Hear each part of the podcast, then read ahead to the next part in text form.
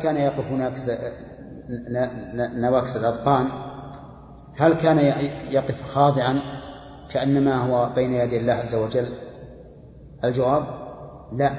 ونحن نعلم أن ابن القيم وغيره ممن دون الصحابة لا يمكن أن يكونوا في توقيرهم للرسول عليه الصلاة والسلام كتوقير الصحابة للرسول أبدا.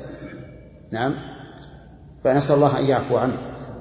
نعم. ملكتهم تلك المهابة فاعترت تلك القوائم كثرة الرجفان تلك القوائم كثرة الرجفان. حتى هذا سبحان الله. يعني يقول إن مهابة الرسول صلى الله عليه وسلم ملكتهم حتى صارت قوائمهم ترجف من شدة المهابة. هذا لا ينبغي. يعني لا ينبغي أن يكون الإنسان يقف أمام قبر الرسول إلى إلى هذا الحد. صحيح أن الرسول أن الإنسان إذا وقف يشعر أن الرسول عليه الصلاة والسلام أرسل الناس كافة وأنه بلغ الرسالة وأدى الأمانة وأنه نصح الأمة وجاهد في الله. أما أن يقف هذا الوقوف الذي وصف ابن القيم فكلا والله. قال وتجر وتفجرت تلك العيون بمائها ولطالما غاضت على الأزمان. هذا نعم لا بأس به. لا بأس أن الإنسان يذكر حال النبي عليه الصلاة والسلام ثم يبكي. وهذا الإنسان لو ذكر أباه أو ابنه أو أخاه الذي مات ثم قد تفيض عيناه من الدمع فكيف عاد الرسول صلى الله عليه وسلم؟ يكون من باب أولى. وأتى المسلم بالسلام بهيبة ووقار ذي علم وذي إيمان. هذا أهوى من الذي قبله. يعني أن الإنسان يسلم سلام بوقار مبني على علم وإيمان. لم يرفع الأصوات حول ضريحه كلا ولم يسجد على الأذقان. لم يرفع الأصوات حول ضريح النبي عليه الصلاة والسلام أي حول قبره بل يتكلم بهدوء. وقد ثبت في البخاري أن عمر سمع صوت رجلين يرفعان أصواتهما عند قبر النبي عليه الصلاة والسلام فناداهما وقال إنهما من أهل الطائف. فقال لو أعلم أنكما من أهل هذا البلد لأوجعتكما ضربا. هذا هذا الأثر أو معناه؟ ولا شك أنه من من الأدب أن لا ترفع الصوت عند قبر النبي عليه الصلاة والسلام بل ولا في المسجد النبوي بل ولا في المساجد الأخرى أيضا. من الأدب أن لا ترفع حتى أن الرسول جعل رفع الأصوات في المساجد من علامات الساعة. قال كلا ولم ير طائفا بالقبر أسبوعا كأن القبر بيت ثاني. صح ومن الناس العامة الجهال لا سيما الذين عندهم قبور في بلادهم يطوفون عليها تجدهم يطوفون على قبر النبي صلى الله عليه وسلم. ولكن من فضل الله انهم في هذه السنوات الأخيرة جعلوا حاجزا. يمنع من تمام الطواف. لكني أخشى أن يجي عام يطلع مع الباب ويدخل مع الباب الثاني علشان يكمل الشوط. نعم. ما تعلم العامة العامة عند اعتقاداتهم الزائفة يغلو يرخص عندهم كل كل غال كلا و... نعم. ثم انثنى. ثم انثنى بدعائه متوجها لله نحو البيت ذي الأركان. يعني بعد أن يسلم على الرسول صلى الله عليه وسلم ينثني يعني يتقدم ويتجه إلى مكة إلى الكعبة فيدعو الله عز وجل. أفادنا المؤلف رحمه الله أن الزيارة النبوية على الوصف الذي ذكر يسلم على النبي صلى الله عليه وسلم ولم يذكر رحمه الله السلام على أبي بكر وعمر. نعم لكنه بصدد الرد على هؤلاء الغلاة. الذين يغلون برسول الله صلى الله عليه وسلم لم يتكلم على السلام على أبي بكر وعمر وإلا فإن من, فإن من المشروع أن تسلم على أبي بكر وعمر كما كان ابن عمر رضي الله عنهما يفعل. ولهما أي, أي, أبو أي أبي بكر وعمر من التوقير ما يليق بحالهما. فهما خليفة رسول الله صلى الله عليه وسلم وهما وزيراه وهما اللذان دائما يكونان معه. إذا ذهب وإذا رجع ودائما يقول هو نفسه عليه الصلاة والسلام خرجت أنا وأبو بكر وعمر ورجعت أنا وأبو بكر وعمر. وهكذا يطريهما دائما معه. ولهذا اختار الله عز وجل بعلمه وقدرته أن يكون إلى جنبه في قبره حتى إذا كان يوم القيامة خرج الثلاثة جميعا من مكان واحد. كما كانوا في الدنيا جميعا يذهبون ويجيئون فإنهم في الآخرة كذلك. اللهم احشرنا معهم يا رب العالمين. نعم يقول بعد هذا بعد الزيارة تتجه إلى القبلة وتدعو الله عز وجل. تدعو الله بما شئت ما في دعاء معين. هكذا قال المؤلف رحمه الله ولكن بعض أهل العلم عارض في هذا وقال إنه لم يثبت أن هذا المكان مكان دعاء وأن الإنسان إذا سلم ينصرف كما كان عبد الله بن عمر يفعل ولا يقوم يدعو الله. إذا أراد أن يدعو الله يدعو وهو يصلي وهو يصلي في صلاته أو أو بعدها أو بين الأذان والإقامة على حسب ما جاءت به السنة. أما أن يجعل ما حول قبر الرسول مكانا للدعاء فهذا فيه نظر. وأنا إلى هذا القول أمل من مني إلى قول ابن القيم رحمه الله وغيره من أهل العلم أن الإنسان لا يقف هنا للدعاء. يسلم ثم ينصرف وللدعاء مكان آخر. نعم. هذه زيارة من غدا متمسكا بشريعة الإسلام والإيمان. قول هذه زيارة الإشارة إلى كل الصفة السابقة أنها زيارة من غدا متمسكا ولكن نقول لابن القيم رحمك الله وجزاك عن أمة الإسلام خيرا هذه الزيارة في نظرك. أما ما ذكرت من بعض ما يكون غلوا فلا شك أنها ليست زيارة شرعية. عرفتم؟ ولكن يشفع له أنه رحمه الله كان مجتهدا. والمجتهد قد يصيب وقد يخطئ. ثم قال من أفضل الأعمال هاتيك الزيارة وهي يوم الحشر في الميزان. نعم. الزيارة الشرعية لا شك أنها في الميزان في ميزان الحسنات. أما الزيارة البدعية فهي في ميزان السيئات. وهنا أنبه على مسألة دائما يطلقها بعض الناس أخيرا وهي أن يقول جعل الله ذلك في ميزان أعمالك. جعل الله ذلك في ميزان أعمالك. والأحسن أن يقول جعل الله ذلك في ميزان حسناته. لأن لأن ميزان الأعمال يشمل السيئات والحسنات. فإذا قال في ميزان أعمالك ما أدري. هو على كل حال يقصد ميزان حسنات لا شك. لكن لفظ صالح. فالأحسن أن نعدل عن هذا اللفظ إلى لفظ لا يحتمل. في ميزان حسناته. نعم. يقول لا تلبسوا الحق الذي قد جاءت به سنن الرسول بأعظم البرهان يعني لا تلبسوه بالباطل وتخلطوه به وتقولوا هذه زيارة شرعية وهي زيارة مبنية على الغلو الذي ينهى عنه الرسول صلى الله عليه وسلم. نعم. لا تلبسوا الحق الذي جاءت به سنن الرسول بأعظم البرهان. بأعظم البرهان؟ طيب تصلح. خليها نسخة ثانية.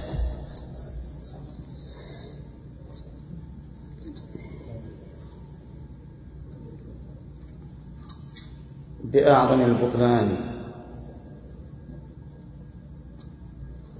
طيب نشوف شرح على المعنيين اللفظين يقول لا تلبسوا الحق الذي جاءت به سنن الرسول بأعظم البرهان بأعظم متعلقة بجاءت.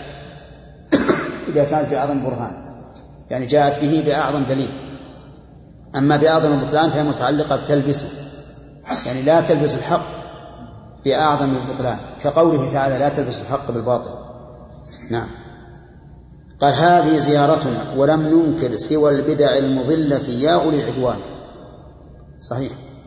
ابن القيم رحمه الله لما أنكر على هؤلاء ما أنكر لم ينكر عليهم إلا البدع المضلة وحديث شد الرحل نص ثابت يجب المصير إليه بالبرهان. ما هو حديث شد الرحل؟ لا تشد الرحال. إلا إلى ثلاثة مساجد المسجد الحرام ومسجد هذا والمسجد الأقصى.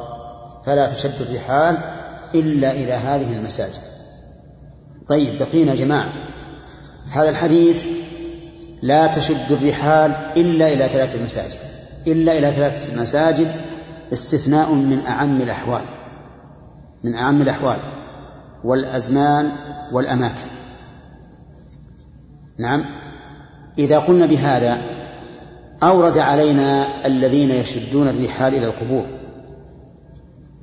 وقالوا ألستم تجيزون شد الرحل إلى المدينة؟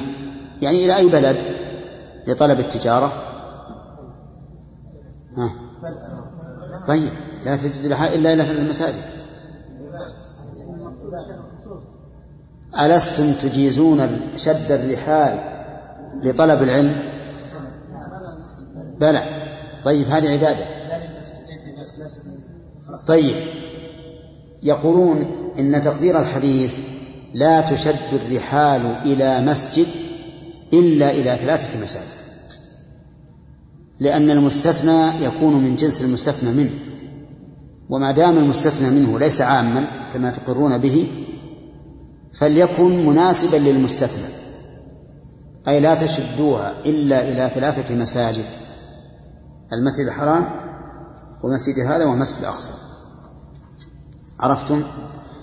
لكن هذا القول ذهب إليه بعض الفقهاء وقالوا إن شد الرحل إلى القبور لا يستفاد تحريمه من هذا الحديث بل من أدلة أخرى لأن هذا الحديث لا لا يمكن أن يراد به العموم وإذا لم يمكن فليكن المقدر من جنس المذكور.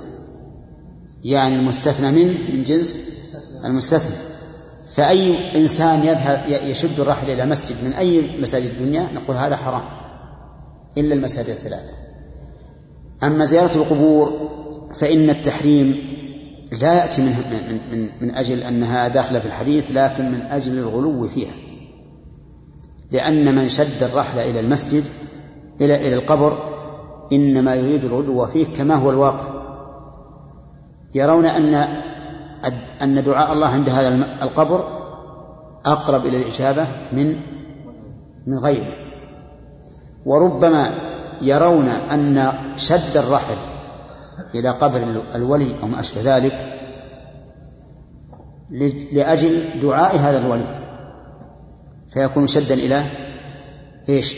إلى الشرك. أو إلى وسائل الشرك. فلذلك حرمناه من أجل هذا.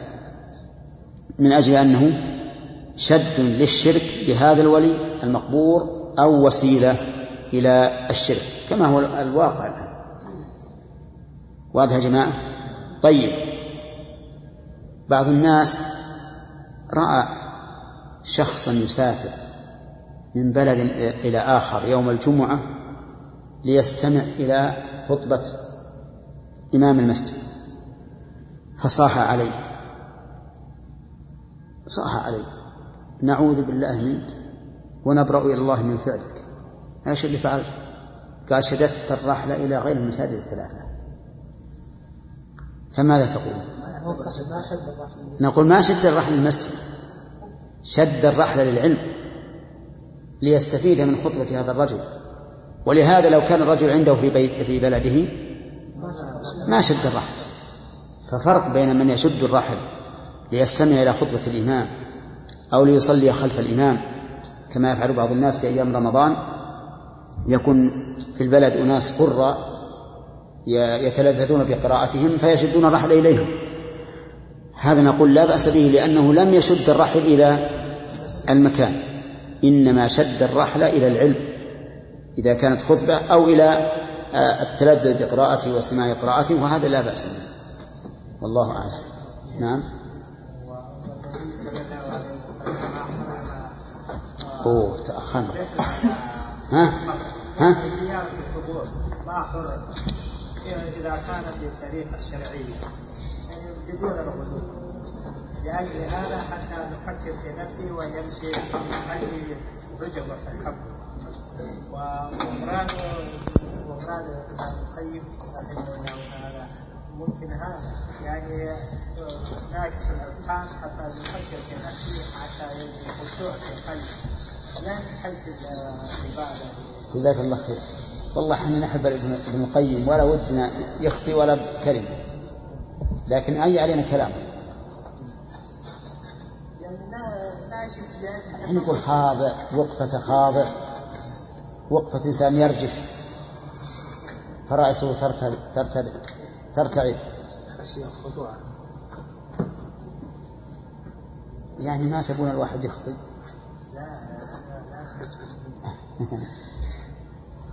يا شيخ نفس عليها بسم الله الرحمن الرحيم. فصل في تعيين أن أتباع السنة أن اتباع السنة والقرآن طريق طريقة النجاة من النيران. يا من يريد نجاته يوم الحساب من الجحيم وموقد النيران. اتبع رسول الله في الأقوال والأعمال لا تخرج عن القرآن. وخذ الصحيحين اللذين هما لعقد الدين والإيمان واسطتان واقرأهما بعد التجرد من هوى وتعصب وحمية الشيطان. واجعلهما حكما ولا تحكم على ما فيهما أصلا بقول فلان واجعل مقالته كبعض مقالة الأشياخ تنصرها بكل أواني. تنصره. واجعل مقالته كبعض مقالة الأشياخ تنصرها بكل أواني. وانصر مقالته كنصرك للذي قلدته من غير ما برهان قدر رسول الله عندك وحده والقول منه إليك ذو والقول منه إليك. ما بها لا تمده قدر رسول الله عندك وحده والقول منه إليك ذو تبيان ماذا ترى فرضا عليك معينا؟ إن كنت ذا عقل وذا إيمان. عرض الذي قالوا على أقوالي أو عكس ذاك فذلك الأمران. هي مفرق الطرقات بين طريقنا وطريق أهل الزيغ والعدوان. قدر مقالات العباد قدر مقالات العباد جميعهم عدما واجعل جلوسك بين صحب محمد.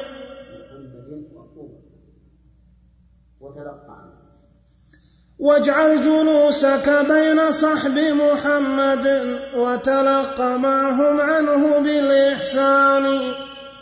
وتلقى عنهم ما تلقوه هم عنه من الإيمان والعرفان. أفليس في هذا بلاء مسافر يبغي الإله وجنة الحيوان؟ لولا التناوش بين هذا الخلق ما كان التفرق قط في الحسبان. بسم الله الرحمن الرحيم. يقول المؤلف فصل في تعيين أن أتباع السنة أن اتباع السنة والقرآن طريقة النجاة من النيران. كل منا نحن المؤمنين يريد النجاة من النار ويريد دخول الجنة. فما هو الطريق؟ بين المؤلف رحمه الله في هذه هذا الفصل هذا الطريق. فقال يا من يريد نجاته يوم الحساب من الجحيم وموقد النيران. النداء هذا موجه لكل من يريد هذا. النجاة من النار وموقد النيران من الجحيم وموقد النيران. اتبع رسول الله حتى تنجو. اتبع رسول الله في الأقوال والأعمال لا تخرج عن القرآن. طيب والاعتقاد؟ يدخل يدخل لأن الأقوال قول اللسان والقلب والأعمال عمل الجوارح والقلب. فقول القلب هو إقرار القلب بالشيء. لأن إقرار القلب بالشيء وقبوله له هذا إيش؟ قول القلب. قول اللسان واضح. عمل القلب هو ميل للشيء خوفا ورجاء وتوكلا وما أشبه ذلك. عمل الجوارح واضح. يقول اتبع رسول الله في الأقوال والأعمال لا تخرج عن القرآن وخذ الصحيحين. يعني بعد القرآن خذ الصحيحين. يعني بهما صحيحي البخاري ومسلم. اللذين هما لعقد لعقد الدين والإيمان واسطتان. واقرأهما بعد التجرد من هوى وتعصب وحمية الشيطان. اقرأ الصحيحين. متجردا عن الهوى والحمية والتعصب. وهذا واجب على كل من قرأ دليلا أن يتجرد من الهوى والتعصب من ليحكم بما دل عليه الدليل. ولهذا يقال استدل ثم اعتقد ثم اعمل. ولا تعتقد ثم تستدل. لأنك إن اعتقدت ثم استدللت فربما تميل إلى اعتقادك وتصرف نصوص الكتاب والسنة إليه. لكن إذا استدللت أولا قرأت الدليل ثم بنيت العقيدة والعمل عليه حينئذ يكون طريقك صوابا. يقول اقرأهما بعد التجرد من هوى وتعصب وحمية الشيطان واجعلهما حكما ولا تحكم على ما فيهما أصلا بقول فلان. صدق. اجعل ما في الصحيحين هو الأصل. ولا تحكم عليهما بقول فلان وفلان فتجعلهما تابعين لا متبوعين. واجعل مقالته مقالة من؟ مقالة الرسول صلى الله عليه وسلم. كبعض مقالة الأشياخ تنصرها بكل أوان. هذا تنزل. اجعل مقالة الرسول كبعض مقالة الأشياخ. والواجب أن أجعلها فوق مقالة كل الأشياخ. لكن هذا من باب التنزل يقول على الأقل أعطوا لو بعض الشيء. وهو يخاطب من يخاطب من يقدمون مقالة الأشياخ على مقالة الرسول صلى الله عليه وسلم. وانصر مقالته كنصرك للذي قلدته من غير ما برهان. يعني انصر مقالة الرسول كنصر الذي قلدته وأنت تقلده بلا برهان. لكن لو اتبعت الرسول اتبعته بإيش؟ ببرهان. نعم. يقول قدر رسول الله قد قدر رسول الله وحدك نعم قدر رسول الله عندك وحده والقول منه إليك ذو تبيان والقول منه إليك ذو تبيان. يعني اجعل قدر الرسول وحده عندك واجعل كلامه ذات بيان أي كلاما فصيحا واضحا حتى تأخذ بمدلوله. ماذا ترى فرضا عليك معينا إن كنت ذا عقل وذي إيمان وذا إيمان عرض الذي قالوا على أقواله أو عكس ذلك؟ فذلك الأمران إلى آخره. يعني هل ترى من الفرض عليك أن تعرض الذي قالوا على أقوال الرسول أو أن تعرض أقوال الرسول على الذي قالوه. ما هو الفرق؟ أن تعرض أقوال الرسول على ما قالوه. هذا الأول. عرض الذي قالوا على أقواله. عرض الذي قالوا على أقواله. أو عكس ذلك عرض الذي قال على أقوالهم. الأول الأول أن تعرض أقوالهم على أقوال الرسول. فإن وافقت قبلت وإلا ردت. نعم. يقول عرض الذي قالوا على أقواله أو عكس ذاك فذلك الأمران هي مفرق الطرقات بين طريقنا وطريق أهل الزيغ والعدوان. نحن نعرض مقالة غير الرسول على مقالة الرسول. وهم يعرضون مقالة الرسول على مقالة غير الرسول. هذا هو مفترق الطرق. والحق مع من عرض مقالات الناس على مقالات على مقالة الرسول. واجعل قدر مقالات العباد جميعهم جميعهم عدما كأنهم لم يقولوا شيئا. طيب إذن إلى إلى أي شيء أرجع؟ قال وراجع مطلع الإيمان. يعني منبع الإيمان. وهو كلام الرسول صلى الله عليه وسلم. واجعل جلوسك بين صحب محمد وتلق معهم عنه بالإحسان. يعني اجعل كأنك مع الصحابة. تسمع كلام كلام النبي صلى الله عليه وسلم وترى أفعاله. نعم لتكون مثلهم في الاتباع. وتلقى عنهم ما تلقوه هم عنه من الإيمان والعرفان. فإذا قال قائل كيف أتلقى عنهم؟ نقول الحمد لله بالسند. هذه الأمة حفظ الله دينها بالسند. اقرأ. حدثنا فلان عن فلان عن فلان حتى تصل إلى الرسول صلى الله عليه وسلم. أفليس في هذا بلاغ مسافر يبغى يبغي الإله وجنة الحيوان؟ الجواب بلى. وبلاغ المسافر الزاد الذي يبلغه مقصده. يعني فأنت الآن إذا أخذت بما قلت لك فقد أخذت بلاغ المسافر الذي يصله, يصله إلى منتهى سفره. لولا التناوش لولا التناوش بين هذا الخلق ما كان التفرق قط في الحسبان. ها؟ تنافس؟ الله يصلح الظاهر. يعني لولا التناوش بين الخلق نعم في في الحق. نحط نسخة أي نعم.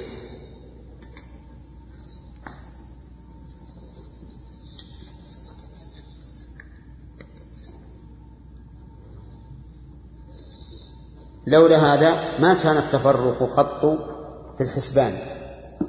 لكان الناس أمة واحدة ولكنهم تناوشوا فتفرقوا أو تنافسوا فاختلفوا. نعم.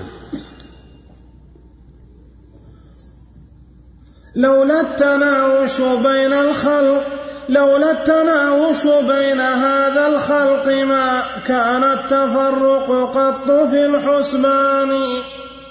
فالرب رب واحد وكتابه حق وفهم الحق منه داني منه داني لا لا فالرب رب واحد وكتابه حق وفهم الحق منه داني ورسوله قد أوضح الحق المبين بغاية الإيضاح والتبيان. ما ثم منه فوق كل نصيحة يحتاج سا ما ثم أوضح من عبارته فلا.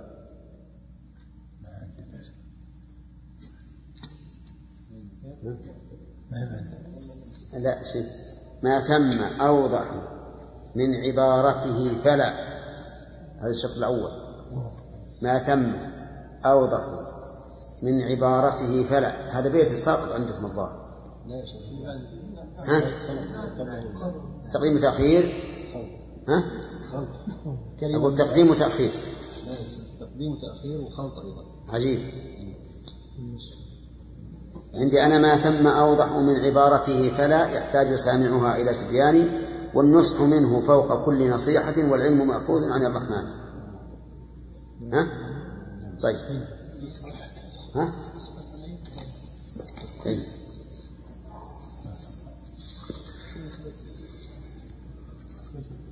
ها؟ منه فلا؟ لا ينكسر البيت ما ثم أوضح من عبارته. أقرأ. إيه اقرأ. ما ثم أوضح من عبارة أوضح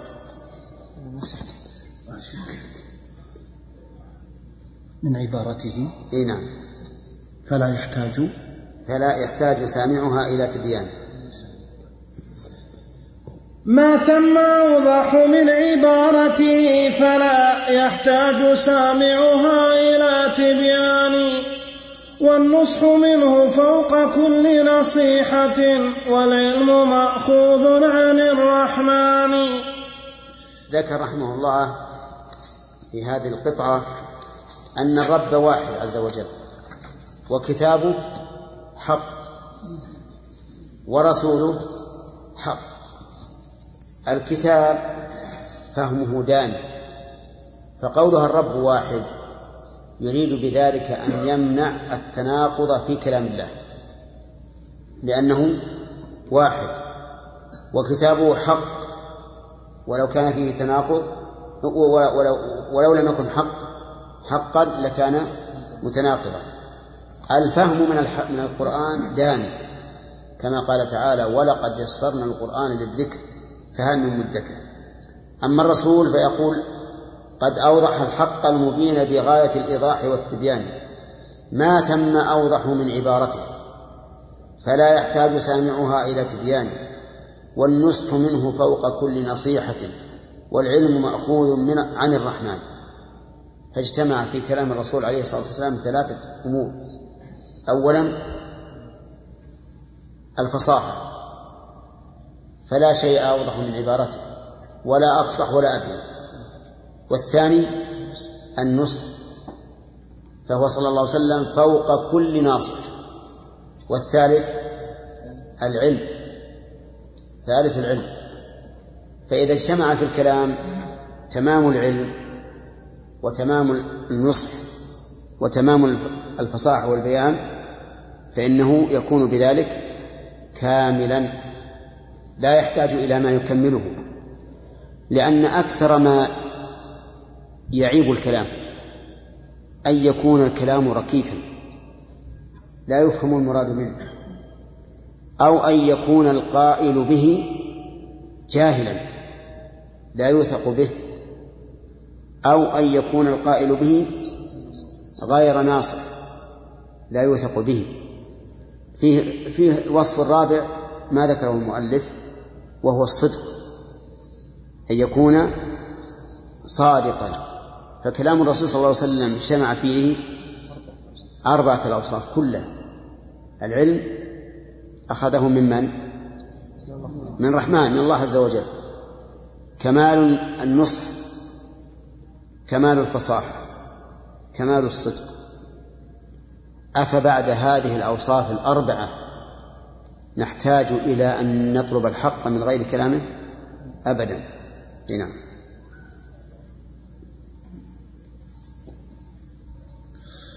فلأي شيء يعدل الباغي الهدى عن قولي لولا عمى الخذلان فالنقل عنه مصدق والقول من ذي عصمة ما عندنا قولان. والعكس عند سواه في الأمرين يا من يهتدي هل يستوي النقلان؟ صح نعم تالله قد لاح الصباح لمن له عينان نحو الفجر ناظرتان.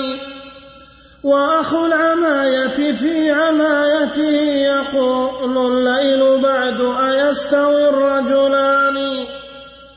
تالله قد رفعت لك الآلام إن كنت المشمر للتدار أماني وإذا, جنوا وإذا جبنت وكنت كسلانا فما حرم الوصول إليه غير جباني.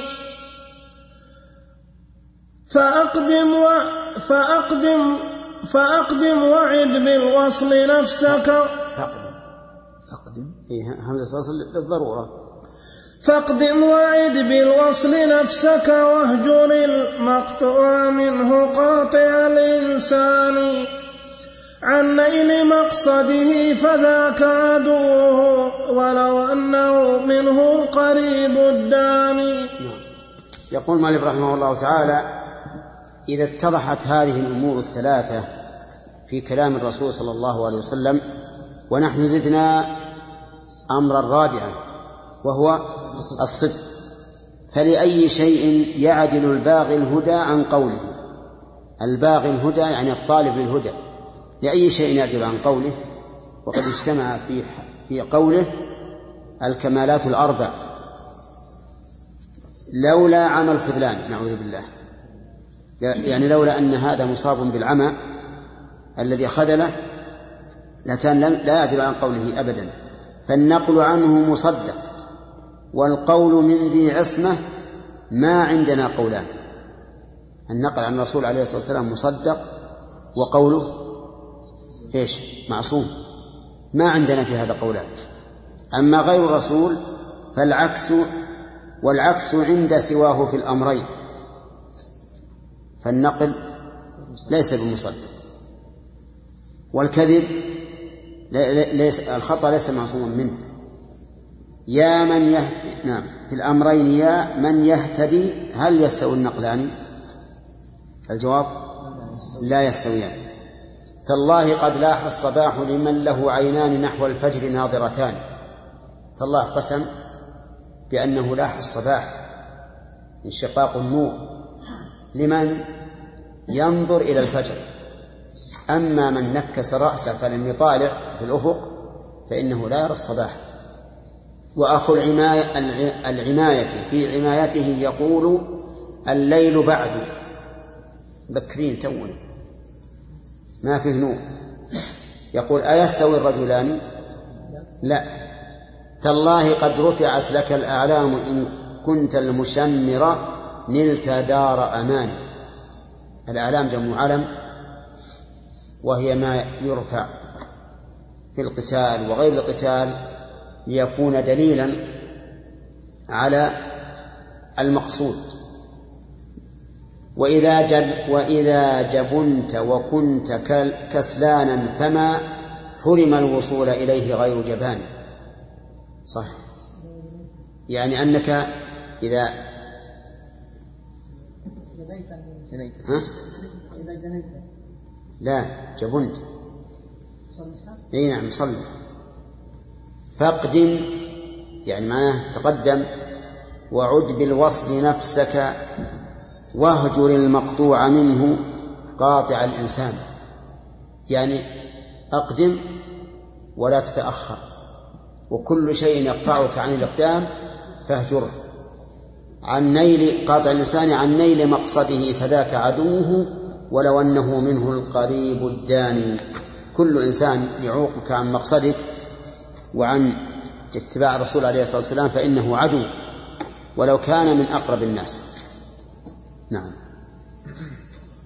بسم الله الرحمن الرحيم. فصل في تيسير السير إلى الله على المثبتين الموحدين وامتناعه على المعطلين والمشركين. أعوذ بالله. يا قاعدا سارت به أنفاس سير البريد وليس بالذملان. حتى متى هذا الرقاد وقد سرى وفد المحبة مع أولي الإحسان. وحدت بهم عزماتهم نحو العلا لأحد. لا حادي لا حادي وحدت بهم وحدت بهم عزماتهم نحو العلا لا حادي الركبان والأضغان وحدت بهم عزماتهم نحو العلا لا حادي الركبان والأضعان ركبوا العزائم واعتنوا بظهورها وسروا فما حنوا إلى نعمان. ساروا رويدا ثم جاءوا أولا. سير الدليل يؤم بالركبان. ساروا بإثبات الصفات إليه لا التعطيل والتحريف والنكران.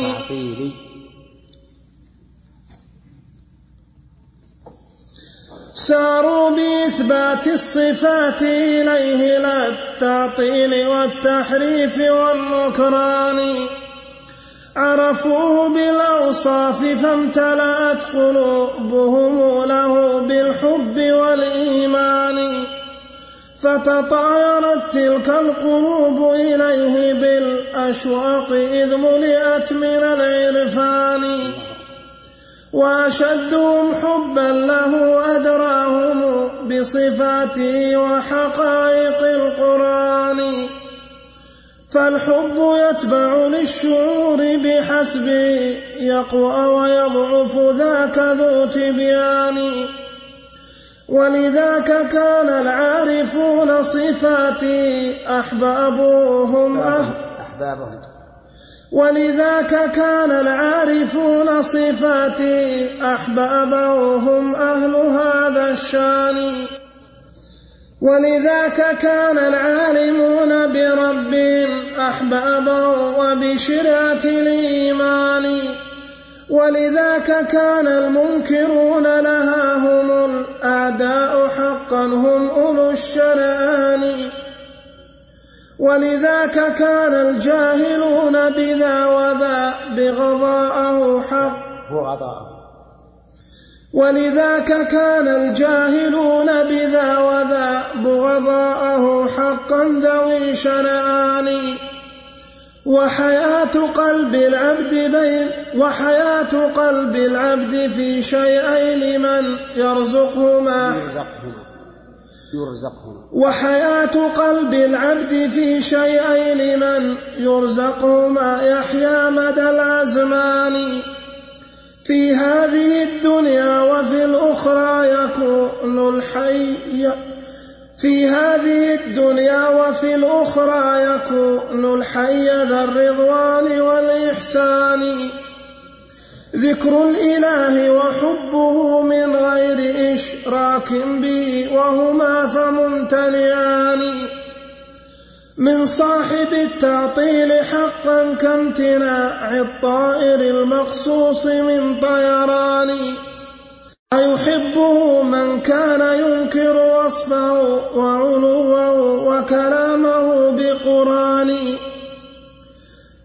لا والذي حقا على العرش استوى متكلما بالوحي والفرقان.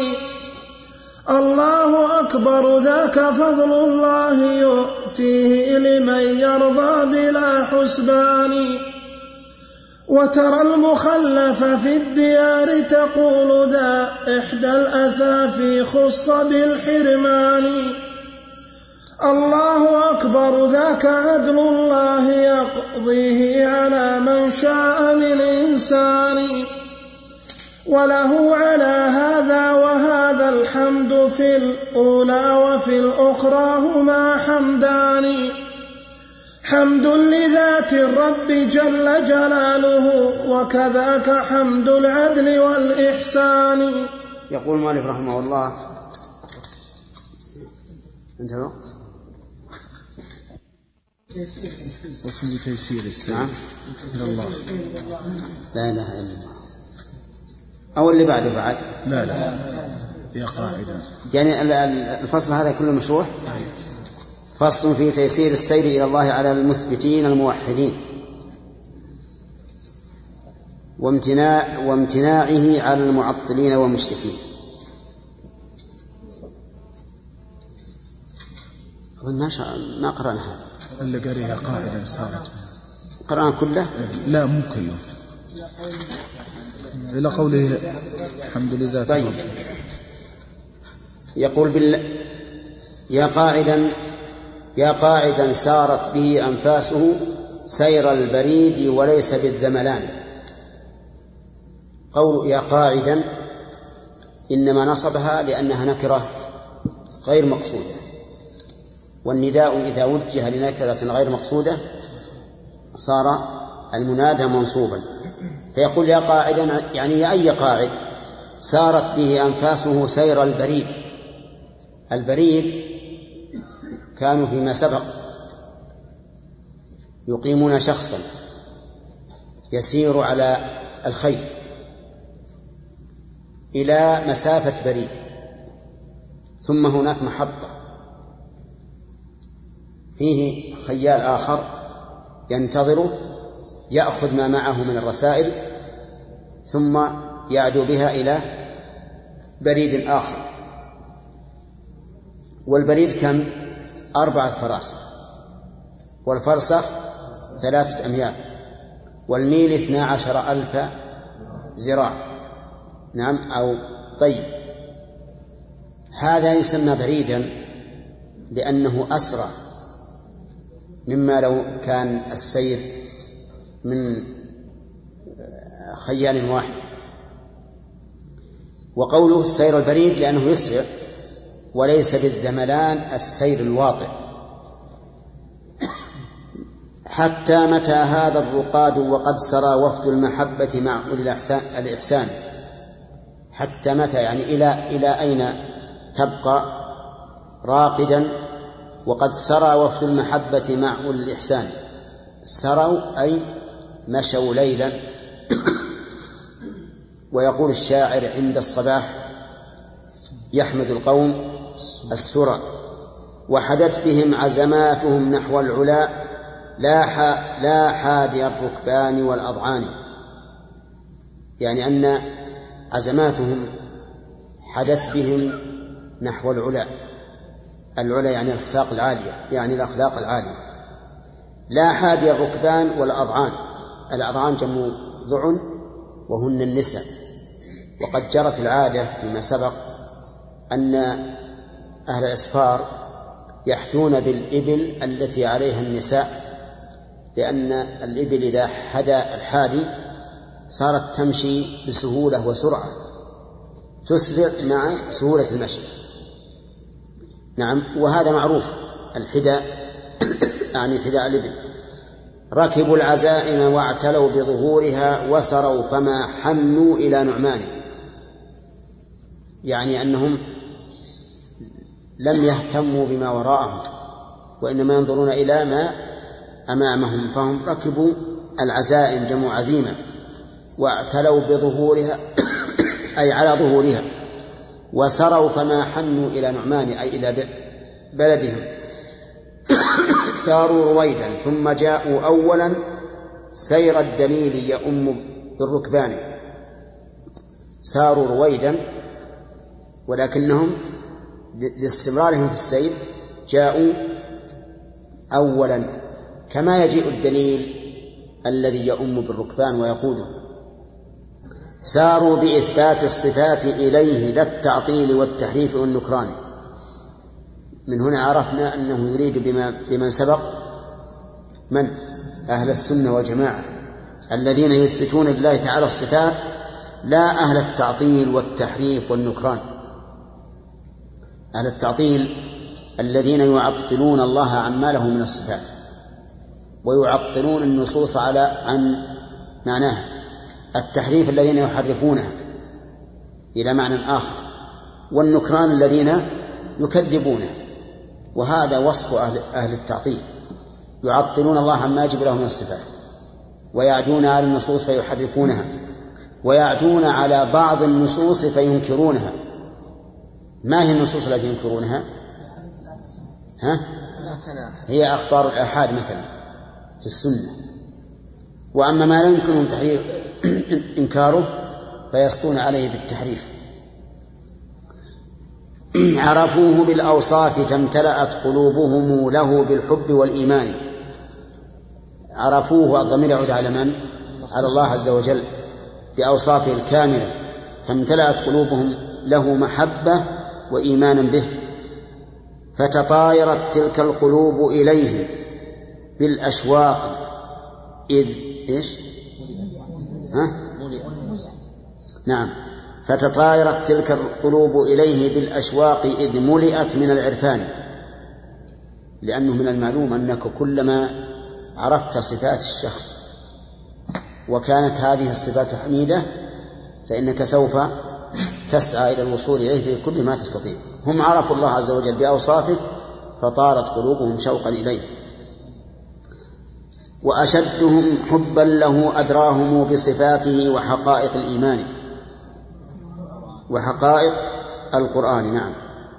هؤلاء هم أشد الناس حبا لله عز وجل العالمون بصفاته. لأنه كلما علم الإنسان بصفة ازداد محبة للموصوف. فالحب يتبع للشعور بحسبه يقوى ويضعف ويضعف ذاك ذو تبيان. صح. الحب مداره على شعور الإنسان بمن يحب. فإذا شعر الإنسان بصفات كاملة في المحبوب فإنه لا بد أن يميل إليه بالحب. حتى الأمور العادية كالطعام والشراب واللباس والمساكن كلما شعر الإنسان بكمال هذا الشيء ازداد حبا له. يقول ولذاك كان العارفون صفاته أحبابه هم أهل هذا الشأن.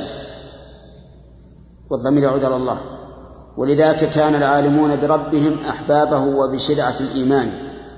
ولذاك كان المنكرون لها هم الأعداء حقا هم أولو الشنآن الشنآن. المنكرون بل الجاهلون بهذه الأوصاف هم أبعد الناس عن محبة الله.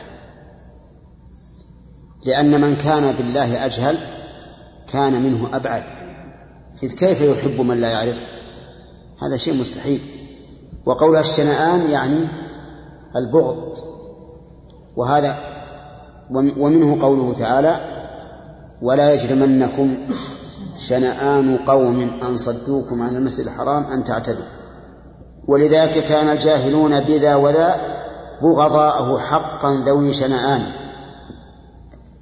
الجاهلون بذا وذا يعني الجاهلون بصفاته والجاهلون به عز وجل وبأحكامه هم آه، البغضاء حقا ذوي شنآن.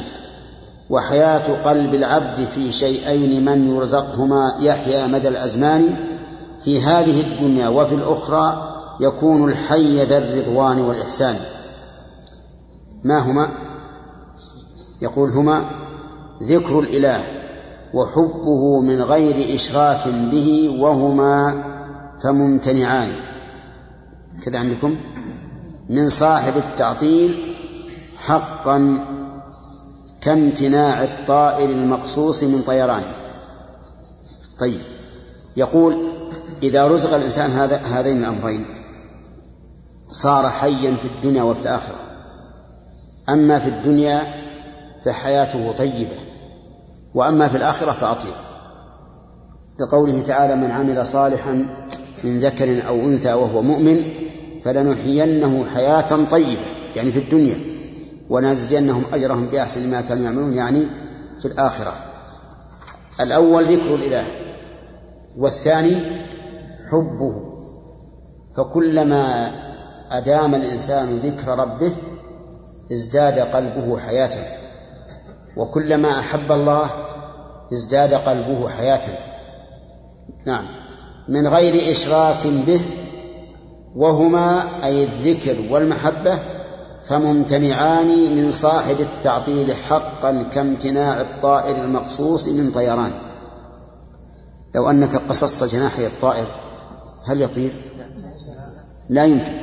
إذا أهل التعطيل لا يمكن أن تمتلئ قلوبهم حبا لله ولا يمكن أن تلهج ألسنتهم ذكرا به ما داموا معطلين.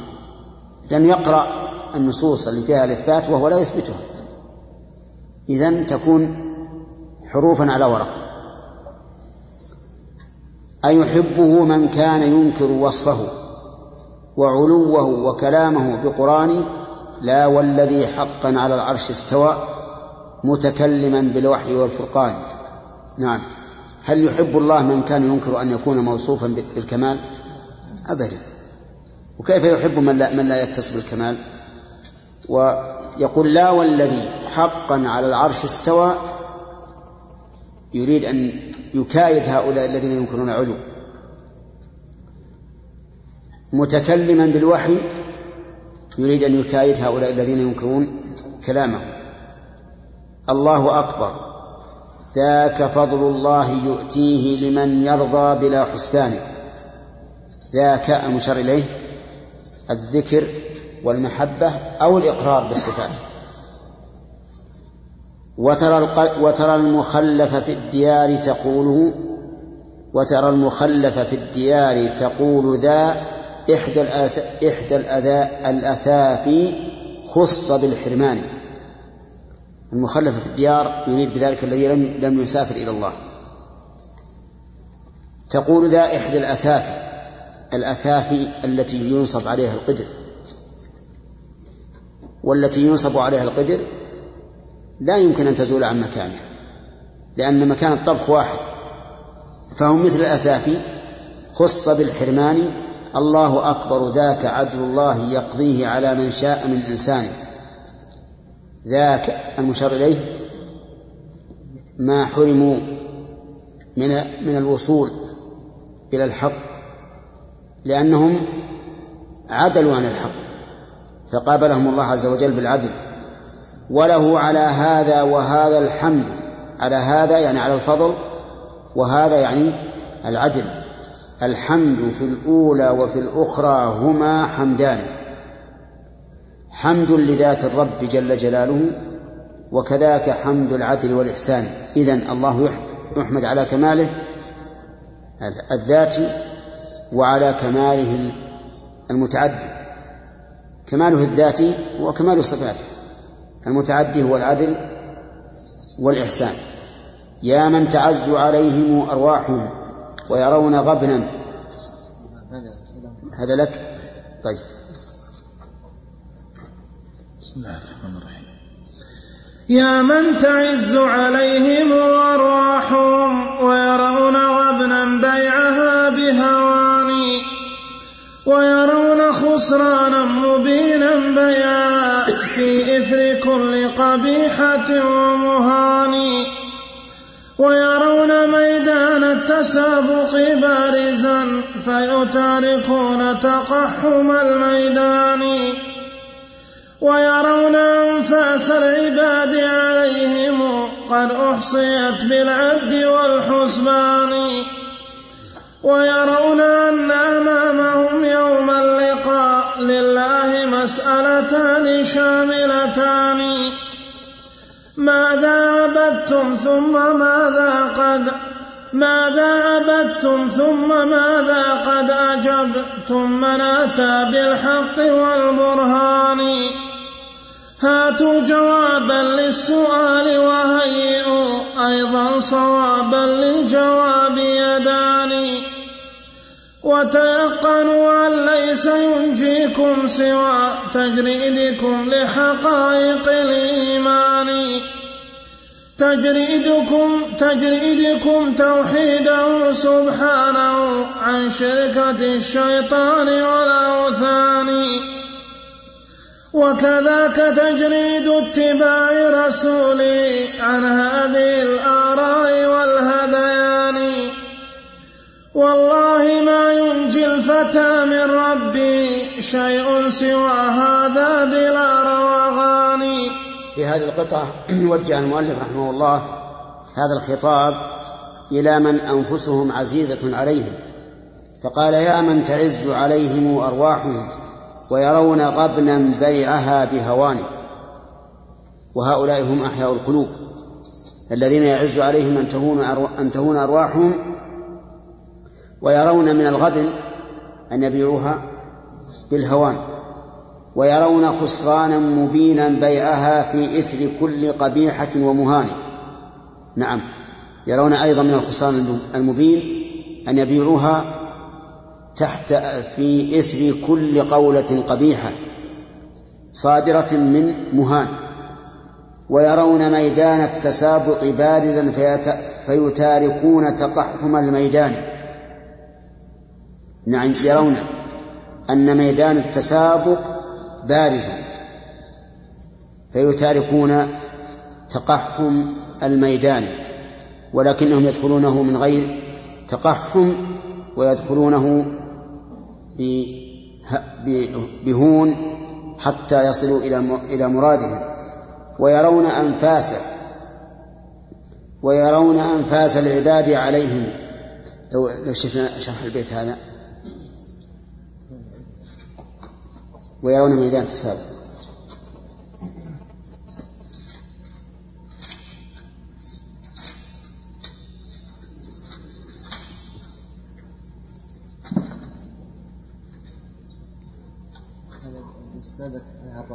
الراس طيب.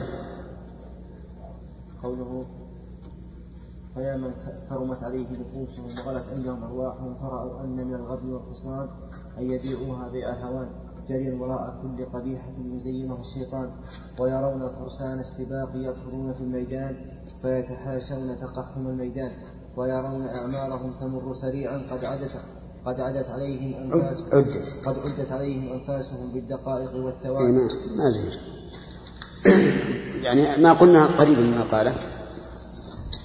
قال ويرون أن ويرون أنفاس العباد عليهم قد أحصيت بالعد والحسبان. الإنسان في الحقيقة تعد عليه أنفاسه ومن يحصي نفسه بل يعد عليه ما دون النفس. كل لحظة تمر به فإنها إما له وإما عليه. اللهم المستعان ويرون ويرون أن أمامهم يوم اللقاء لله مسألتان شاملتان. في هذا البيت أخذ المؤلف بلغة من يلزم المثنى الألف مطلقا لأن قوله أن أمامهم أمام مصدر خبر مقدم ومسألتان اسم أن مؤخر وشاملتان صفة له. ويصح أن نجعل أمام هو الاسم على أنه ليس بظرف ولكنه اسم لما كان قدام الإنسان. لأن هذا الأمام والفوق والتحت قد يراد بها نفس المعنى لأنها ظرف لشيء آخر فيكون المؤلف جار على اللغة الفصحى. على كل حال يقول يرون أن أمامهم يوم لقاء الله مسألتان شاملتان. المسألة الأولى ماذا عبدتم؟ يعني يسأل الإنسان يوم القيامة من عبدت؟ ويوم يناديهم أين شركائي الذين كنتم تزعمون؟ فيسألهم السؤال الثاني ثم ماذا قد أجبتم من أتى بالحق والبرهان وهم الرسل؟ ويوم يناديهم فيقول ماذا أجبتم المرسلين فأنت مسؤول يوم القيامة عن هذين السؤالين. كل إنسان يسأل عن هذا ماذا عبد؟ هل عبد الله أشرك؟ ماذا أجاب المرسلين؟ هل اتبعهم أو ابتدع؟ هاتوا, هاتوا جوابا للسؤال وهيئوا أيضا صوابا للجواب يدان. يعني يطلب منهم شيء شيئان. الشيء الأول إيش؟ الجواب. والشيء الثاني أن يكون صوابا. أنت الآن إذا سألت التلميذ عن مسألة تطلب منه شيئين وهما الإجابة وأن تكون الإجابة صوابا. ولهذا إذا سكت تقول له أجب. وإذا أجابه خطأ قلت خطأ هات الصواب. نسأل الله أن يجعلنا وإياكم ممن يجيب بالصواب. وتيقنوا أن ليس أن ليس ينجيكم سوى تجريدكم لحقائق الإيمان تجريدكم توحيده سبحانه عن شركة الشيطان والأوثان وكذاك تجريد اتباع رسوله عن هذه الآراء والهذيان يعني لا ينجي الإنسان إلا هذا إلا هذان التجريدان. التجريد الأول تجريد العبادة بأن لا يعبد إلا الله عز وجل. والتجريد الثاني تجريد المتابعة بأن لا يتابع إلا الرسول. ولا يدع قوله لقول فلان وفلان بل لا يتبع إلا رسول الله صلى الله عليه وسلم. والله ما ينجي الفتى من ربه شيء سوى هذا بلا روغان. وصدق رحمه الله. لا ينجي الإنسان إلا الإخلاص والمتابعة. نعم. يا رب جرد عبدك المسكين راجي الفضل منك وأضعف العبدان. أضعف ما بهو عندكم أضعف؟ إي نعم. عندي يا رب جرد عبدك المسكين راجي الفضل منك أضعف العبدان العبدان. حذفها والله إن الواو حذفها أحسن. نعم. يا رب جرد عبدك المسكين راجي الفضل منك أضعف العبدان. لم تنسه وذكرته فاجعله لا ينساك أنت بدأت بالإحسان. وبه ختمت فكنت أولى بالجميل وبالثناء من الجور الجاني. فالعبد ليس يضيع بين فواتح وخواتم من فضل ذي الغفران. أنت العليم به وقد أنشأته من تربة هي أضعف الأركان. كل عليها قد علا وهوت إلى تحت الجميع بذلة وهوان. وعلت عليها النار تحت وعلت عليها النار حتى ظن أن يعلو عليها الخلق من نيران. وأتى إلى الأبوين ظنا أنه سيصير الأبوين تحت دخان. فسعت إلى الأبوين رحمتك التي وسعتهما فعلا بلا الأب فسعت إلى الأبوين رحمتك التي وسعتهما فعلا بك الأبوان هذا ونحن بنوهما وحلومنا في جنب حلمهما لدى الميزان. جزء يسير والعدو فواحد لهما. جزء جزء يسير والعدو فواحد. نعم. جزء يسير والعدو فواحد لهما وأعدانا بلا حسبان. والضعف مستول علينا من جميع جهاتنا سيما من الإيمان. يا رب معذرة إليك فلم يكن قصد العباد ركوب العصيان لكن نفوس سولته وغرها هذا العدو لها غرور أماني. فتيقنت يا رب أنك واسع الغفران ذو فضل وذو إحسان. ومقالنا ما قاله الأبوان قبل مقالة العبد الظلوم الجاني نحن الأولى ظلموا وإن لم تغفر الذنب العظيم فنحن ذا خسران. ذو فنحن ذو خسران. نحن الأولى ظلموا وإن لم تغفر الذنب العظيم فنحن ذو خس نحن الأولى ظلموا وإن لم تغفر الذنب العظيم فنحن ذو خسران. يا رب فانصرنا على الشيطان ليس لنا به لولا حماك يداني جزاه الله خيرا.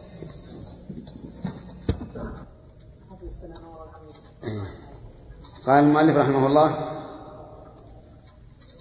مبتهلا إلى ربه عز وجل يا رب جرد عبدك المسكين راجي الفضل منك أضعف أضعف العبدان. يعني نفسه. يسأل الله سبحانه وتعالى أن ينجي أن ينجيه ويصف نفسه بأنه عبد الله. والعبودية أشرف وصف يتصف به الإنسان. ولهذا يذكرها الله عز وجل في مقام التأييد والتحدي وبيان الفضل على الرسول عليه الصلاة والسلام.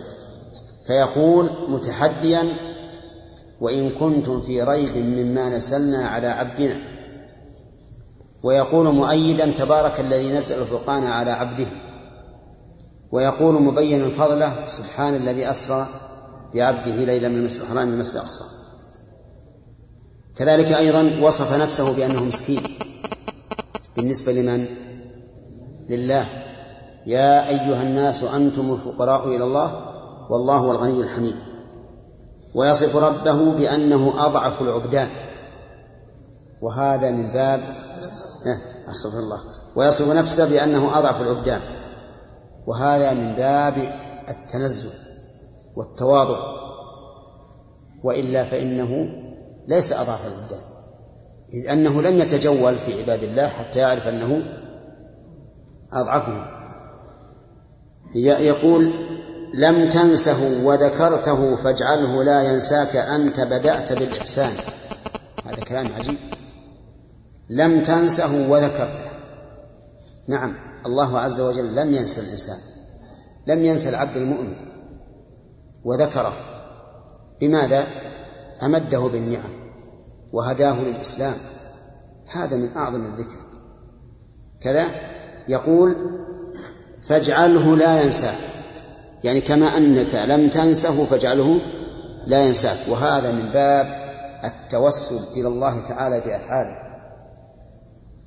من باب التوسل إلى الله بأفعاله. والتوسل إلى الله تعالى بأفعاله جائز. فنحن نقول اللهم صل على محمد وعلى آل محمد ها كما صليت على إبراهيم. فتوسلنا بصلاته على إبراهيم أن يصلي على نبيه محمد صلى الله عليه وسلم. والتوسل إلى الله بأفعاله من التوسل الجائز. أنت بدأت بالإحسان وبه ختمت يعني وبالإحسان ختمت. فكنت أولى بالجميل وبالثناء من الجهول الجاني نعم. بدأ الله الإنسان بالإحسان وختمه بالإحسان. وقال في جزائه هل جزاء الإحسان إلا الإحسان؟ الله أكبر. كأننا نحن المحسنون من أنفسنا. نعم الله هو الذي ابتدأ بالإحسان وختم به. نعم. قال فالعبد ليس يضيع بين فواتح وخواتم من فضل الغفران. اللهم جل لا يضيع الإنسان لا يضيع بين الفضل الأول والفضل اللاحق الإحسان الأول والإحسان اللاحق أنت العليم به وقد أنشأته من تربة هي أضعف الأركان. أنت العليم به وقد أنشأته من تربة هي أضعف الأركان. يا أيها الناس إن كنتم في ريب من البعث فإنا خلقناكم من تراب. خلقناكم من تراب. أصلنا من التراب ومرجعنا إلى التراب منها خلقناكم وفيها نعيدكم ومنها نخرجكم تارة أخرى المرجع النهائي إن شاء الله تعالى إلى السماوات العلى في جنات النعيم. نعم. يقول كل عليها قد علا. على كل عليها على الأرض التي منها التراب. قد علا وهوت إلى تحت تحت الجميع بذلة وهوان وعلت عليها النار حتى ظن أن يعلو عليها الخلق من نيران. النار كما هو معروف جوهر آه، يطير يرتفع كما تشاهدون. اللهب ينزل ولا يرجع؟ الدخان يرتفع. وعلت عليها النار حتى ظن أن يعلو عليها الخلق من نيران الخلق بمعنى المخلوق. يعني ظن أن يعلو المخلوق من النار على المخلوق من تراب. لأن التراب موضوع مهان يجاس بالأقدام. والنار بالعكس مرتفعة تطلب العلو. فظن أن يعلو على الخلق من نيران. الخلق بمعنى المخلوق من النيران. من هو؟ إبليس. إبليس ولهذا ارتفع واعتز بأصله. فقال أنا خير منه خلقتني من نار. وأتى إلى الأبوين ظنا أنه سيصير سيصير ها؟ سيصير الأبوين تحت دخان. أتى إلى الأبوين آدم وحواء وقصته معهما مشهورة ظنا أنه سيصورهما تحت دخان. فسعت إلى الأبوين رحمتك التي وسعتهما فعلا بك الأبوان. الحمد لله. رحمة الله أدركت الأبوين. فعلا برحمته علوا برحمته. وصار ما يريده إبليس منهما ممتنعا برحمة الله. هذا ونحن بنوهما وحلومنا في جنب حلمهما لدى الميزان جزء يسير. يعني نحن أبناؤهما. وحلومنا يعني عقولنا. بالنسبة إلى عقل الأبوين إيش؟ جزء يسير. والعدو فواحد لهما وأعداء وأعداء إيش؟ وأعدانا بلا حسبان. نعم. المؤلف رحمه الله يقول حلوم آدم وحواء أقوى منا والعدو واحد. نحن حلومنا ضعيفة وأعداؤنا كثيرة. نعم. جزء يسير والعدو فواحد لهما وأعدى وأعدانا بلا حسبان. والضعف مستول علينا من جميع جهاتنا سيما من الإيمان. الضعف مستول علينا من كل جهة لا سيما ضعف الإيمان. وإبليس متوعد لنا من كل جهة. قال الله عز وجل قال لله عز وجل قال فبما أغويتني لأقعدن لهم صراطك المستقيم. يجلس على الصراط. إذا إذا أردنا أن ندخل صرفا. وإن دخلنا حاول إخراجنا ولهذا لم يقل لأقعدن لهم على صراطك. قال صراطك. ليشمل القعود على باب الصراط والقعود من داخل الصراط.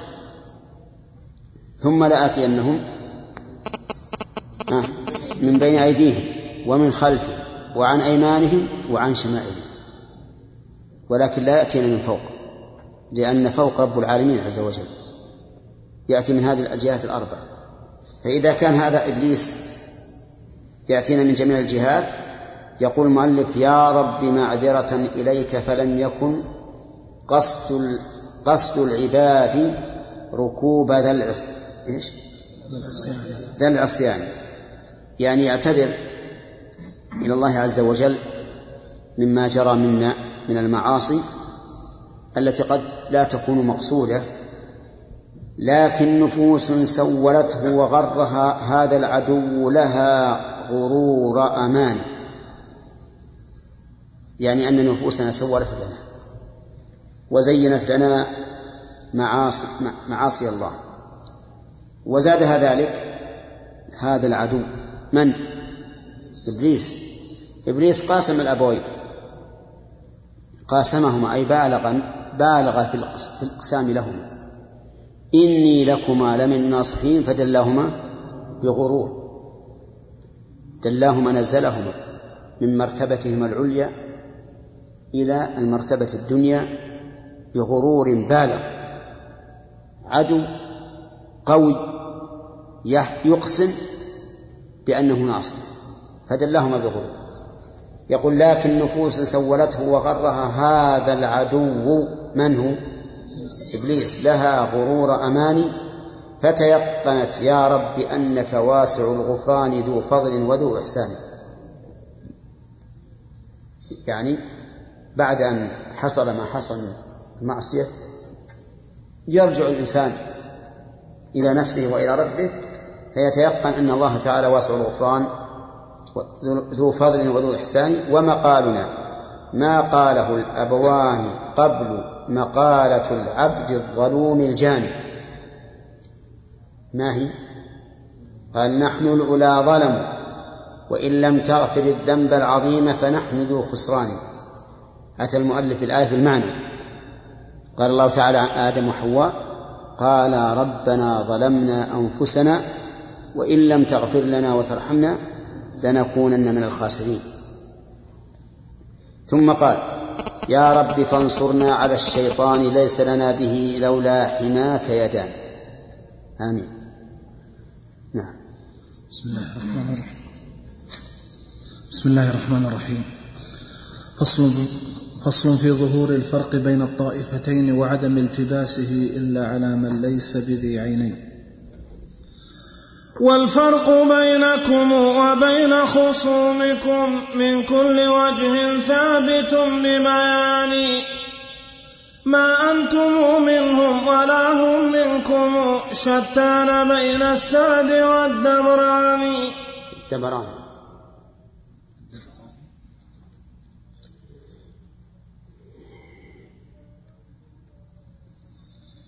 ما أنتم منهم ولا هم منكم شتان بين السعد والدبران فإذا دعونا للقرآن دعوتم للرأي أين الرأي من قرآن. وإذا دعونا للحديث دعوتم أنتم إلى تقليد قول فلان. وكذا تقل وكذا تلقينا نصوص نبينا بقبولها بالحق والإذان من غير تحريف ولا جحد ولا تفويض ذي جهل بلا عرفان. لكن بإعراض وتجهيل وتأويل تلقيتم مع النكران أنكرتموها أنكرتموها جهدكم فإذا أتى ما لئ أنكرتموها جهدكم فإذا أتى ما لا سبيل له إلى نكران. أعرضتم عنه ولم ي... أعرضتم عنه ولم تستنبطوا منه هدى لحقائق الإيمان. فإذا ابتليتم مكرهين بسمعها فوضعتم فوضتموها. فإذا ابتليتم مكرهين بسمعها فوضتموها لا على العرفان. لكن بجهل للذي سيقت له تفويض إعراض وجهل معاني فإذا ابتليتم باحتجاج خصومكم أوليتموها دفع ذي صولان فالجحد والإعراض والتأويل والتجهيل حظ النص عند الجاني. لكن لدينا حظه التسليم مع حسن القبول وفهم ذي الإحسان. هذا الفصل. بين به المؤلف طريقة المنحرفين عن طريق السلف وأن بينهم وبين السلف فرقا عظيما شاسعا. فقال والفرق بيننا بينكم وبين خصومكم من كل وجه ثابت ثابت الخبر المبتدأ.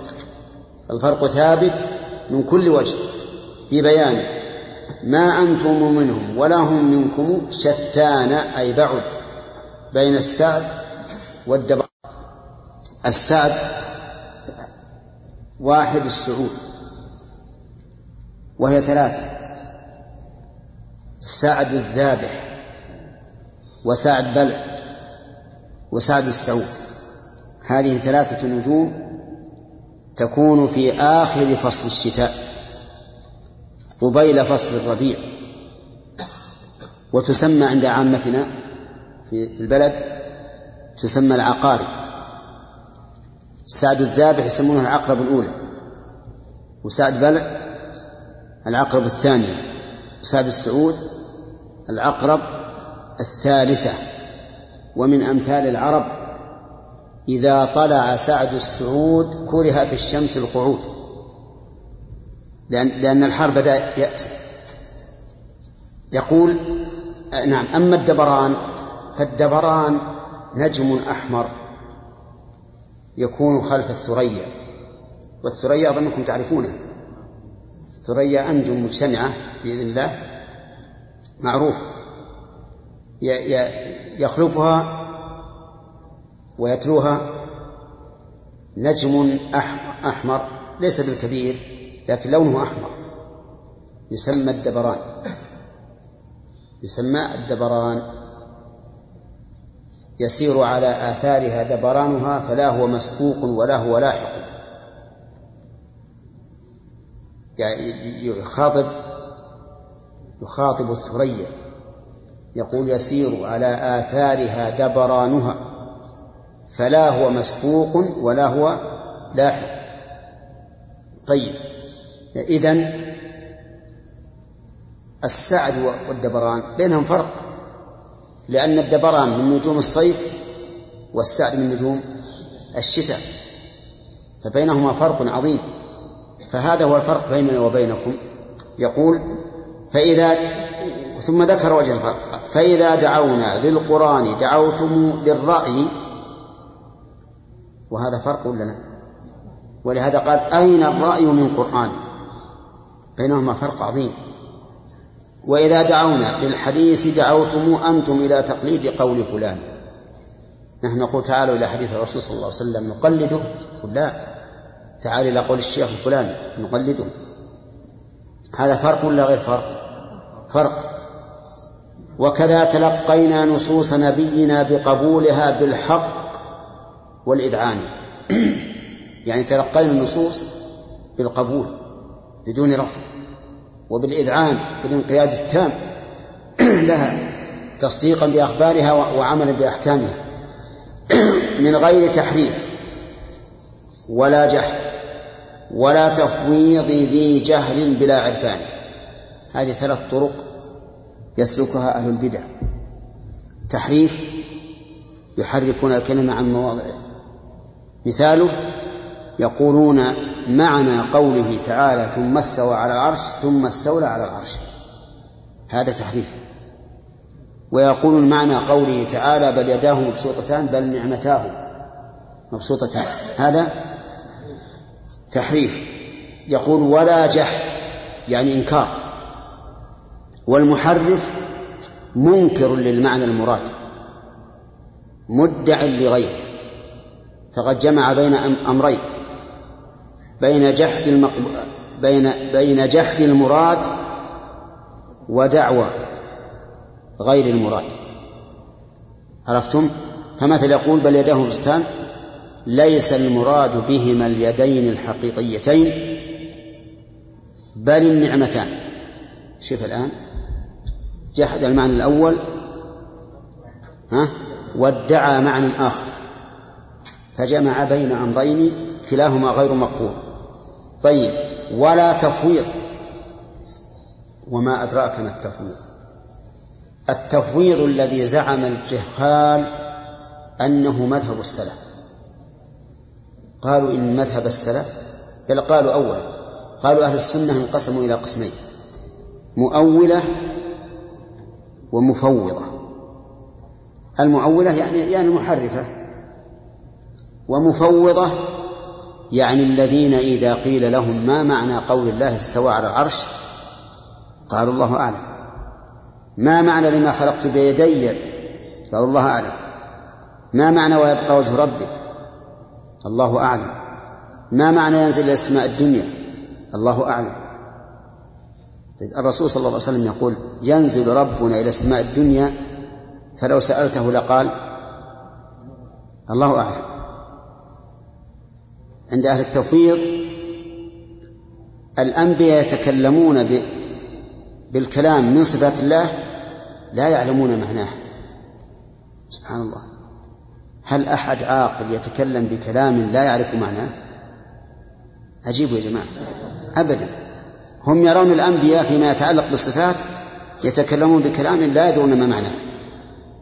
يقول حتى الرسول لا يعلم إيش يقول معنى ما يقول. هؤلاء المفوضة. ادعى الجهال بمذهب السلف أن هذا هو مذهب السلف. ولكن الشيخ الإسلام ابن تيمية رحمه الله قال في كتابه درء تعارض العقل والنقل قال إن قول أهل التفويض من شر أقوال أهل البدع والإلحاد. من شر أقوالهم. كيف يدعي مدعي أنه مذهب السلف؟ وقال إن هذا المذهب هو الذي فتح الأبواب للفلاسفة والملاحدة. لأن الفلاسفة والملاحدة يثبتون للنصوص معاني لكن على أهوائهم. ومن يثبت المعنى خير من الأمي الذي لا يدري عن المعنى. صح؟ لأن كون تجي الواحد يقول وش معنى هذا؟ والله ما أدري. تجي واحد يقول وش معناه كذا وكذا. يكون هذا عنده علم أكثر من ذلك. وإن كان قد يكون علما مبنيا على باطل لكن الكلام الذي يجعل للألفاظ روحا خير ممن لا يدري ما هي.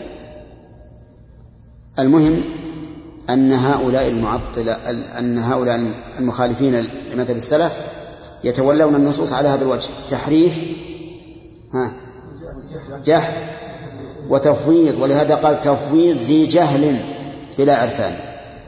ومنهم أميون لا يعلمون الكتاب إلا أماني لكن بإعراض لكن يعني بإعراض وتجهيل وتأويل تلقيتم. يعني نحن نحن تلقينا النصوص بالقبول والإذعان وأنتم تلقيتموها بالإعراض والتجهيل والتأويل تلقيتم مع النكران. تجهيل أي أي مذهب يشير إليه؟ المفوض. لأنهم يقولون الناس يجهلون. حتى الرسل. يقول أنكرتموها جهدكم فإذا أتى ما لا سبيل له إلى نكران أعرضتم عنه ولم تستنبطوا منه هدى لحقائق الإيمان. يعني إذا أتاهم ما لا, قبل لهم ما لا طاقة لهم برده أعرضوا عنه. وقال لا نتكلم بهذا. دعنا من هذا الكلام. فإذا ابتليتم مكرهين بسمعها فوضتموها. لا على العرفان. وش يقولون؟ الله أعلم. لكن ب... لكن بجهل للذي سيقت له تفويض إعراض وجهل وجهل معاني. يعني هم لو تأملوها لوجدوا لها معنى لكن هم يعرضون. ويقول الله أعلم الله أعلم. كما لو سألك سائل وأنت تكره الإجابة وش تقول؟ الله أعلم. دعني. الله أعلم. هم هكذا يقول إذا أحد أكرههم على الإجابة لجأوا إلى هذا. فإذا ابتليتم بالحجاج باحتجاج خصومكم أولتموها أوليتموها دفع ذي صولان. بماذا؟ بالصراخ والشكاية إلى ولي الأمر والتشويه. يصورون صولا لا يردون بحق. فالجحد والإعراض والتأويل والتجهيل حظ النص عند الجانب. لكن لدينا حظه التسليم مع حسن القبول وفهم ذي الإحسان. إذا ظهر الفرق بين الطرفين ولا لا؟ ظهر الفرق وأن بينهما كما بين السعد والدبران. نعم. فصل. لا ما انتهى نعم. فصل في التفاوت بين حظ المثبتين والمعطلين من وحي رب العالمين. ولنا الحقيقة من كلام إلهنا ونصيبكم منه المجاز الثاني. وقواطع الوحيين شاهدة لنا وعليكم هل يستوي الأمران. وأدلة المعقول شاهدة لنا أيضا فقاضونا إلى البرهان. وكذاك فطرة ربنا الرحمن شاهدة لنا أيضا شهود بيان. وكذاك إجماع الصحابة والأولى تبعوهم بالعلم والإحسان. وكذاك إجماع الأئمة بعدهم هذا كلامهم بكل مكان.